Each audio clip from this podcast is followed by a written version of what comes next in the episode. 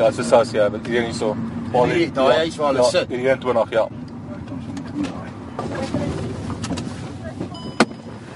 Dis ek kan net vir ons. Sra. Saterdag aand het die polisie daarin geslaag om die twee Nigeriërs in hegtenis te neem wat hierdie joernalis byna 2 ure lank in 'n verlate huis in Kreersdorp die vorige aand aangehou het.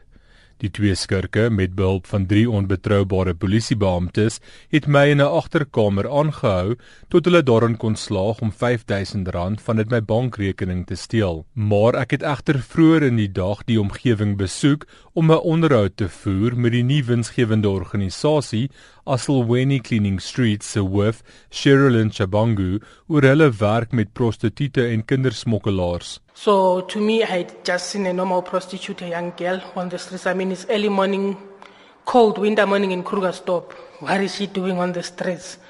And then I spoke to her, and then all of a sudden now, as I uncovered a lot, I discovered that there was quite a lot of girls that are being exploited in Krugersdorp and used for sex trafficking. And then that is how Asilwen was born. Chabangu het aan RSG vertel dat die jongste meisie wat hulle tot dusver gered het, slegs 9 jaar oud was. We found out that most of these girls are coming from different parts of the country and some of them outside of the country. And they are brought in with false pretenses of jobs. Some of them are lured through by their friends to come through. Once they get here, just literally a young girl coming from Eastern Cape or Limpopo, I know nobody in the area, you are totally isolated. And with the isolation comes with you being restricted to talk to anyone around. So you don't have anyone to talk to. So the, their only way out will be to get into the drug cartels, become prostitutes. They sell their bodies, whatever money that they are making, the little that they are making, they give it to the drug dealers and the traffickers that are using them. Een van die prostituie in die gebied wat beweer sy is al 10 dae lank van dwelms af, het bevestig al die geld wat hulle maak word net so in die Nigeriërs se sakke gesteek. Well, it depends from lady to lady, but um, me personally, I did. I started off with 106 only, 156 blowjob, and then 250 full house. Then it's like, you know, they touch you, you touch them. Uh, it's blowjob and you know kissing all over and stuff like that, yeah. So if someone pays you 250 rand or 100 rand, well, how much of that money goes to the Nigerian? Normally they take everything, but then they give you the value of, of drugs for that Oh. money, yeah. So you're doing this all for drugs? Basically, yeah. Or what kind of drugs? Crystal, cat, rock, niobe, whatever you use. Chabangu en verskeie ander bronne, insluitend polisiebeamptes, beweer sekere Kreersdorp se polisiebeamptes werk vir die Nigeriërs. In this situation, what we're struggling mostly with is the failure with our law enforcers, especially our police. They are so corrupt, most of them. They are involved in these drug cartels where you find that you organize a raid, you have identified the place that you're supposed to go and, and raid. They are the very same people that are going to tip off the drug dealers and the traffickers and tell them that you're coming. The next moment when you get there, a house that you know that has got like 30 or 50 people living in there is empty. Sy en twee van haar kollegas is self ook deur 'n groep van ongeveer 20 Nigeriërs aangeval en 'n geruime tyd lank teen hulle wil aangehou. We were attacked. They held us hostage for almost three hours and we were being tortured there. All of us were victimized there. And yes, we do fear for our lives because at the end of the day, nobody is protecting us in the work that we are doing. The community is angry, and that's the reality. Because at the end of the day, you can't even send your child two minutes away from your house to the shop because when your child gets out, it's a prostitute on the other corner, it's a drug dealer on the other corner. How do we expect then our kids to be safe in the community? Tsebangu het nie gelieg oor wat in die gebied aangaan nie. RSG het rondgery en maklik 30 prostituie en dwelmhandelaars in die spasie van 'n paar strate gesien. Sommige van die meisies lyk boonop jonger as 18 en die meeste was nie bang of het nie gehuiwer om my voertuig te nader nie. Hi. Yes. So ek kan jou nie meer so lekker tyd.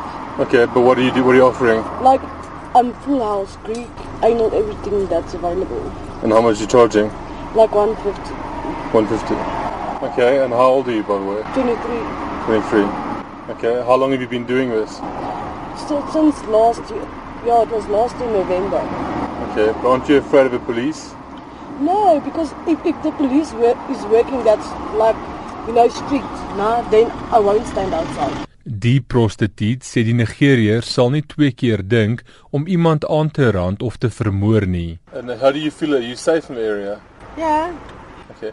And you guys all relying on, on drugs and stuff as well? yeah. How's the Nigerians treating you guys? I don't work for myself. I left Nigeria and I hate the bastards. Are they dangerous? Yeah, they're cowards though. They'll beat a woman up, but four will challenge one man. Yeah. Okay. And this young girl here? Yeah, she's also on. Is she also? Oh. Boonop word die prostituie soos diere verkoop, gesteel of omgeruil. What these Nigerians do, they go from town to town and they go pick up girls there. They literally steal girls from other Nigerians and then they bring them here. Or they take the girls from here and then they sell them to other girls in other towns. And the police, I understand the police are involved protecting the Nigerians sometimes and stuff. So have you witnessed this? I saw it with my own eyes. Die joernalis het op 'n kol hom as 'n kliënt voorgedoen om toegang te verkry tot een van die dwelmhuise, maar kort na die prostituut my in een van die kamers ingeneem het waar ek ons gesprek opgeneem het, het daar 'n polisiebeampte ingebars wat glo saam die Nigeriërs werk. Hy het my aanvanklik met arrestasie gedreig. Could I talk to you outside? We didn't do anything. Yeah, I don't want to know what they've done. Sir, we were discussing this. We didn't do You want, anything. you want to tell me what to do? Want to me my job? I'll talk to you outside. Want to teach me my job? Talk here. I'm a journalist, sir. Uh-huh. Come. Did you get in my car? No, no. I would like to show you something. No, want to. Uh, uh, journalist doing what? I'm recording the lady. Mhm. I'm speaking interviewing her. Let me see where, where you're recording. Can you play it? Die polisiebeampte het toe die vertrek saam met die prostituut verlaat en my in die teenwoordigheid van twee woedende Nigeriërs agtergelaat. Hulle het gedreig hulle gaan my vermoor. Op die ou einde, na byna 2 ure, het hulle R5000 uit my bankrekening gaan trek. Daarna het twee ander polisiebeamptes opgedaag wat beweer het hulle het 'n klag ontvang dat 'n wit man gijslaer gehou word. Dit was egter 'n leuen gewees. Maar tydens 'n klopjag Saterdag aand is albei Nigeriërs in hegtenis geneem nadat ek hulle positief uitgeken het. Hulle sal na verwagting vandag in die Kreersdorp se Landdroshof op aanklagte van roof en ontvoering verskyn. Die ondersoekspan probeer egter nog die betrokke polisielede identifiseer. Meer fokus sal op die welfaart en veiligheid van hierdie jong prostituie geplaas moet word. At the end of the day, it is our children that are dying. It is our country that is being destroyed each and every day. We see businessmen coming here to buy these young girls. They don't even care less to ask what it is that is happening with them. But at the end of the day, it can be your child that is out there that is being exploited. It's time that we started being open and being frank. Trafficking is happening in South Africa and is real and is growing. Dit was Sherilyn Chabangu van Asselweni Cleaning Streets en ek is Jacques Steenkamp in Johannesburg.